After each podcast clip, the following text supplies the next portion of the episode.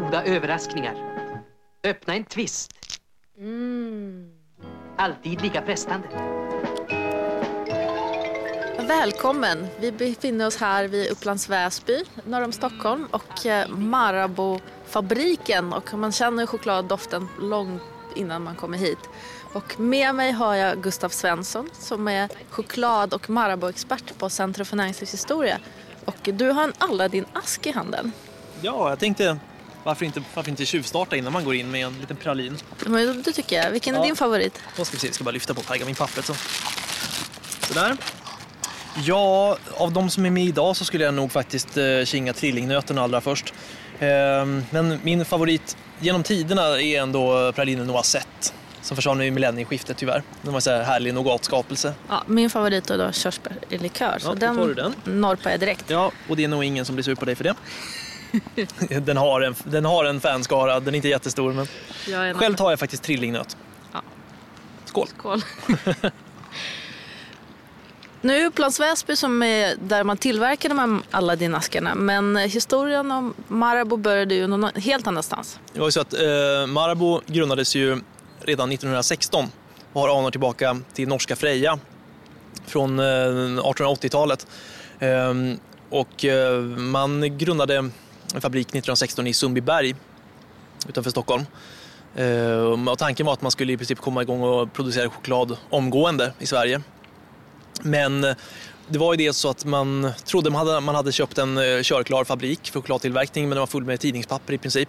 Och eh, dessutom så var det ju kakao var en bristvara på grund av det var ju brinnande första världskrig just nu. Så det dröjde egentligen till 1919 innan man kom igång på allvar och producera Marabou-choklad i Sverige.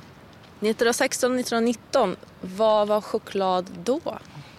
Eh, alltså, för det första så var choklad egentligen ingen folklig vara. I, under, eh, ja, under första världskriget så går det knappt att få tag på choklad i Sverige och när det väl börjar komma tillbaka så är det en lyxvara som man inte sett på många, många år och det är inte alls billigt och egentligen så är det förbehållet överklassen kan man säga. Och eh, om man ser till produktsortimentet Marabou hade under säg 1919 och framåt under 20-talet så eh, mjölkchokladen har inte slagit igenom särskilt mycket. Det är mycket mörk choklad och det är mycket fyllningar av vad vi idag kanske skulle kalla för farfars eller mormors smaker. Det är, det är romrussin och det är eh, olika typer av spritfyllningar och fruktkrämer och sånt där som jag tycker låter ganska aptitliga men som kanske inte skulle slå igenom i en bred allmänhet idag kanske. Man vet aldrig. Idag är det inte så många fruktkrämer i Marbos mest kända produkt som lanserades redan 1939. Aladdin-asken. När ni mig råkar gästa Det bästa av det bästa Jag trollar fram av läckerheter som jag har Nå smaken är förskillig Men både god och billig är den som jag ber er smaka lite var Och när ni smakar den vet jag med säkerhet Ni alla blir mig trogna ut i evighet. Gott, gott, gott, smaka en Aladdin Gott, gott, gott, vilken chokladpralin Varsågoda nu och ta av allihopa sorterna. Gott, gott, gott, finnes i var kartong Gott, gott, gott, sjunger jag dagen lång En Gävle, Malmö, Skarabo Alla älskar Marabou när du Max Hansen sjunger om den berömda Aladdin-asken, baserad 1939. Och som ju finns kvar än idag och som vi ser tillverkas här på fabriken. Gustav, vad säger du om körsbär i likör då?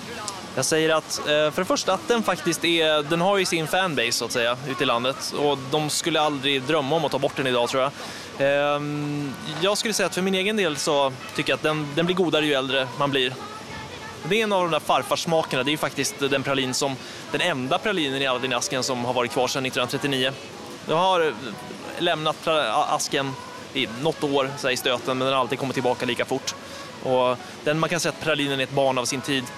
Det var nära nog hälften av eh, Aladdins eh, 18 så att säga, startpraliner 1939 som hade smak av eh, frukt och bär och sprit och sådär. Och det är, körsbär likör är helt enkelt en del av den eran så att säga. Det är kul att den lever kvar. Men om vi återgår till själva asken som sådan. Den kom ju som en någon slags nymodighet, eller? Där 1939. Eh, nymodighet på sätt och vis. Eh, effektivisering och kan säga, konsolidering av sortimentet också.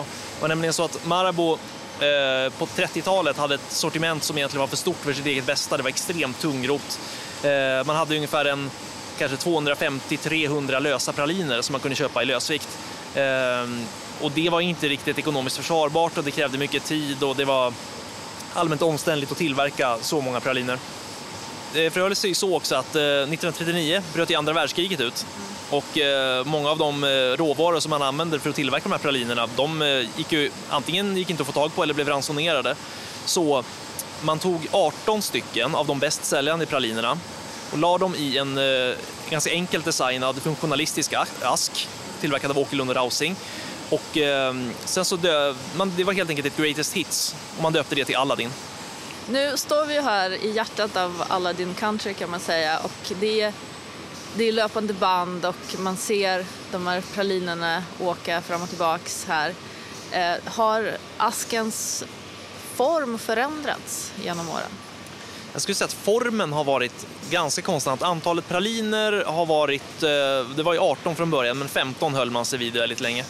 Den största förändringen var egentligen 1965 då man, man bytte till en lite mer ask som påminner om, den, var inte, den doftade inte lika mycket 30-tal, den var lite modernare ask och den påminner ganska mycket om den vi ser idag.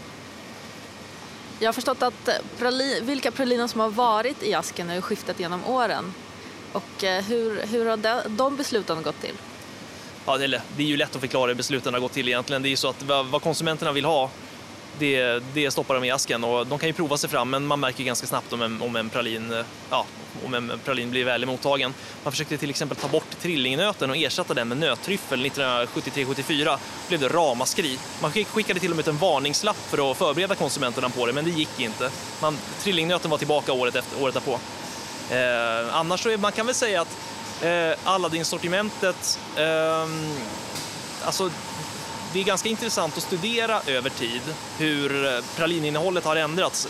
Eh, under, vid lanseringen 1939 då var det mycket, mycket fruktkrämer och det var mycket vad vi kanske idag kallar mormors och farfarsmaker med alkoholpraliner och likörfyllningar och sådär.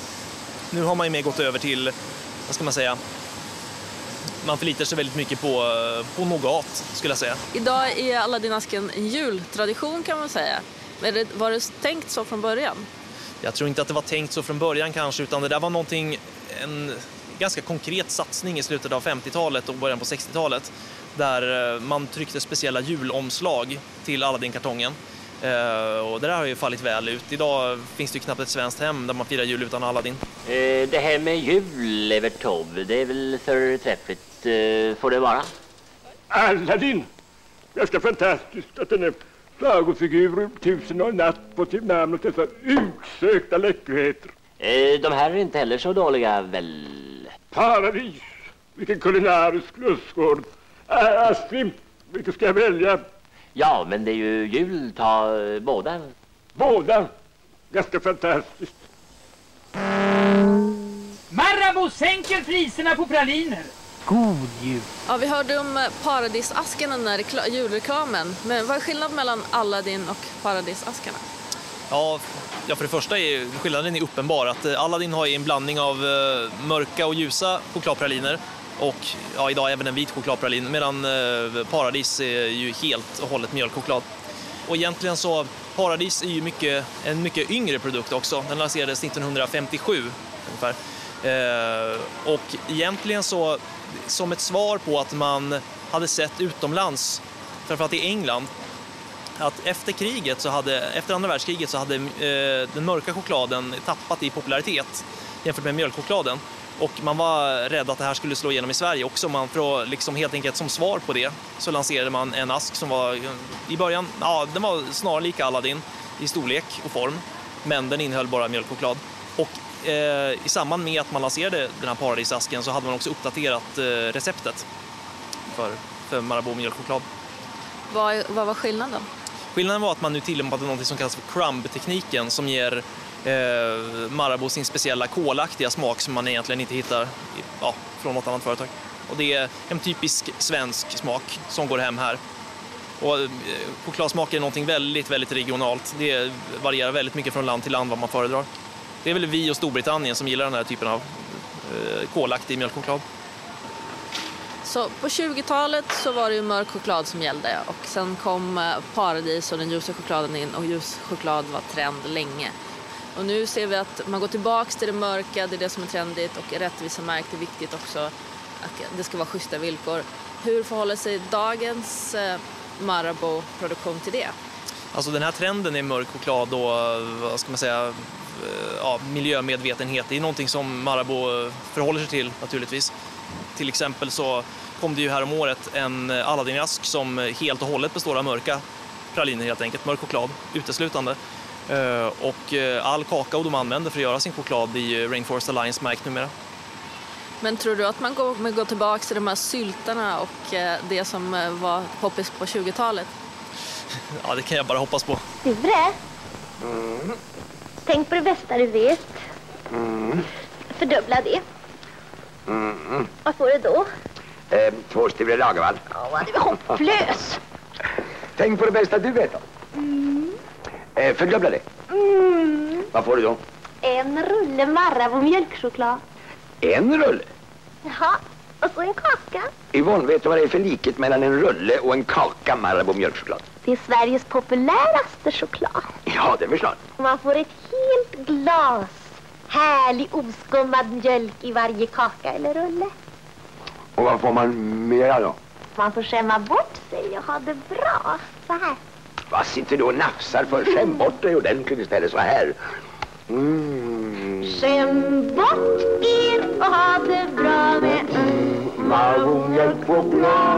Yvonne Lombard eh, prisas ju nu som eh, en av Sveriges eh, främsta skådespelerskor. Men faktum är att ett av hennes första uppdrag var ju reklamfilmer för Marabou på 50-talet. Alltså, Marabou var ju för det första väldigt, väldigt tidiga med att utnyttja biografmediet så att säga. Det var ju där man visade reklam i rörlig bild ända fram till, säg 80-talet i Sverige egentligen. Det var ju biograferna som var kanalen för filmad reklam. Eh, och eh, Marabou har ju haft olika kändisar som affischnamn långt, ja, inte långt tidigare, men ungefär samtida som Yvonne Lombard. Yvonne Lombard var det största namnet. Hon eh, var, vad ska man säga, affisch poster girl för Marabou mjölkchoklad, kakorna. Men man hade ju även till exempel Alice Babs gjorde reklam för Toy och Sven Tumba gjorde för O'boy och sådär. Som, jag menar, Marabou-kändisar och den här typen av, kan säga ändå kombinationen av folklighet och glamour är ganska, ganska unik. Yvonne Lombard körde ju mm som hennes signaturljud. Vilka andra reklamslogans använder man? Marabou har haft en hel del genom åren. Det är ju, man har anspelat på lite olika saker. Det kan vara mm, bara som i Marabou och mm för att det är gott.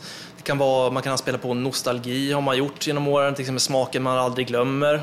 Och det finns ju fler exempel, till exempel eh, små goda ögonblick, eh, ta det lugnt, ta en toj. Mm, Marabou. Mm, Marabou mjölkchoklad. Men om vi uppehåller oss vid M som är komponenten i mm, Marabou. Eh, den, den har ju väldigt speciell design. Kan du berätta lite om det? Ja, det är så att i slutet av 60-talet så mm, kom Marabou fram till att de ville, de ville förnya sitt eh, varumärke och helt enkelt byta ut den gamla klassiska skrivstilslogotypen och även eh, maskoten, storken. Ehm, och då kontaktade man eh, Sigvard Bernadotte faktiskt, mycket känd ja, före detta prins och industridesigner. Han tillsammans med en engelsk reklambyrå tog fram ett, ja, en, en, ett grafiskt typsnitt helt enkelt som man använde till både Marabous logotyp och sen så tryckte man ju det här M eh, på chokladkakorna. Det fick, tidigare hade man ju då storken som symbol just på själva kakan men sen ungefär 1970 så är det M som gäller. Finns storken kvar någonstans? Storken finns kvar om man bortser från att den såklart finns kvar i Norge som Frejas logotyp så finns den faktiskt på ett ställe i en Marabou-produkt och det är på eh, gräddnougatpralinen i Aladdin-asken. Där kan man fortfarande hitta storken. Och där fann, där fann man tidigare även Marabous gamla logotyp. Den är numera borta. Om man pratar lite mer om produkterna, vad är det i produkten som har lyfts fram? Eh, alltså det där har varierat väldigt mycket genom åren.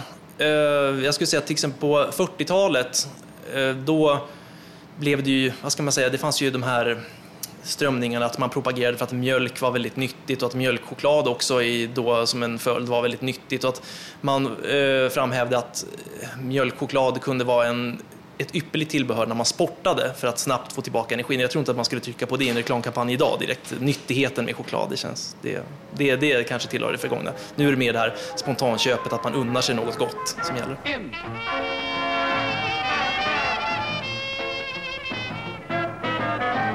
Mambo, mambo från Marabou. En mambo, mambo från Marabou. Detta är en och det är gott. Det är väldigt gott. Det är mer än väldigt gott. En. Vi befinner oss nu faktiskt i en Marabou-butik. Inuti det här huvudkontoret här så har de byggt upp en, en gammaldags butik med inredning från en gammal chokladbutik i Göteborg tror jag. Man ser ju verkligen här träpaneler och eh, de fina hyllorna med chokladen. Och här har man byggt i kronologisk ordning hur chokladsortimentet såg ut. Jag tycker vi går runt här och tittar. Mm. Man kan säga att alltså, på 20-talet så hade ju produktsortimentet börjat växa. Det ser man ju. Det var inte litet från början men det, det växte för varje år. Och de har ju många, massor med olika askar. De har ju vissa som är ganska stiliga idag. Marabou kors och frukt, Marmelad, Marabou menuett. Ja, kattungor. Vi har även några som kanske idag skulle ses som lite politiskt inkorrekta. Söderhavsflört med en ganska stereotyp bild av infödingar till exempel. Just det, som är kannibaler och försöker äta upp en, en vit person här, ser man på, Mm. på asken. Kanske inte skulle gå hem idag. Nej. Det finns ju dock inte kvar i sortimentet. Så. Eh, På 30-talet så ser man att det kommer in flera stycksaker. Ja, det kan ha att göra med den här, att den här ska man, säga, man hade ju redan kioskförsäljning på, eh, på biografer och sådär. Men jag tror att just den där, inte att choklad eh, har slutat vara en lyxvara, men att det ändå är en eh, spontanköpsvara helt enkelt. Det är impulsköp helt enkelt och att man köpte det helt enkelt när man var ute på stan sådär. Och det är helt enkelt sådana här små munsbitar kan man säga. Det finns jättemånga. Eh, Monolit, Big Ben, det finns mjölkchoklad, det finns eh, raketchoklad, mjölkblock, Tommy, Chico, hur många som helst. Hur många som helst. Om vi går vidare upp och eh, till 40-talets monter så ser vi att du kommer små askar, tablettaskar in. Jag skulle kunna säga att alltså, från och med andra världskriget så eh, man höll helt enkelt andan och satsade på storsäljarna. Så man bantade produktsortimentet vad gäller lösviktspraliner. Man satsade på eh, de här ja, helt enkelt, så redan populära kakorna, men man höll, man höll sig till dem. Och sen så hade man också mm, halstabletter, Figaro, Tenor, Maltol, PP lakritstabletter, Frisco, Dollar, en massa olika. Och sen hade man ju faktiskt också, det måste jag nämna, man man hade ju sina bak och hushållsprodukter också. Ergo Kakao var en gigantiskt stor produkt på den tiden. Så likaså bakpulvret. Sen hade vi ju ett kanske idag som ter sig som ett ganska bisarrt exempel är ju eh, kaffeersättningen Mabou. För kaffe var en råvara som inte gick att få tag på egentligen under rans- ransoneringsåren. Eh, Så Marabou eh, de lanserade sin egen variant och vad det fanns i den det var hemligt. Det, fick man inte reda på men eh, de garanterade i alla fall att det var ingenting som kunde skada en. Men Vet den, man ja, det nu? Nja, jag tror att det var någon rotfruktblandning av något slag. Den är nog sörjd och saknad av ingen. Om man går vidare här på hyllan så ser man att det har hänt verkligen mycket. Sortimentet har breddats och ökat. Och om vi tittar på det som händer nu så vad är det för nyheter som, eh, som Marabou kommit med på senare tid? Ja, egentligen så kommer de med nya, ja, nya satsningar hela tiden. Eh, Man kombinerar ju välkända, eh, välkända produkter och varumärken och olika typer. Man har till exempel digestivkex i sina chokladkakor, man har mintkrokant och man har frystorkade jordgubbar. Det är lite olika saker. Och nu senast det, då har de en som kallas heter crunchy corn tydligen, med rostad majs i helt enkelt. Saltrostad majs som man egentligen associerar till egentligen, ja, tv-snacks. Ska vi prova den kanske? Ja, det tycker jag. Jag lov att bjuda på en bit. Tack så mycket. En väldigt trevlig kombination, salt och sött. Ja.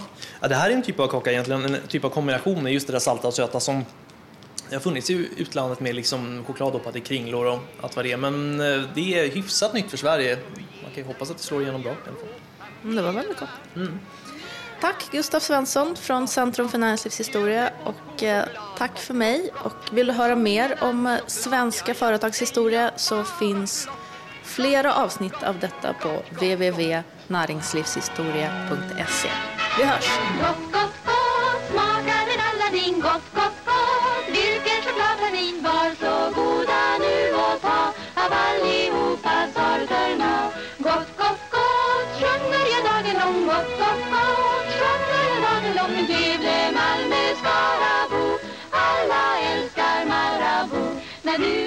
Aladdin, som Max Hansen här så vackert besjunger, är Sveriges populäraste och mest sålda chokladpraliner. Aladdin är en symbol för Marabous strävan att alltid erbjuda choklad av högsta kvalitet till lägsta pris. Ja, jag säger bara blott Gott, gott, gott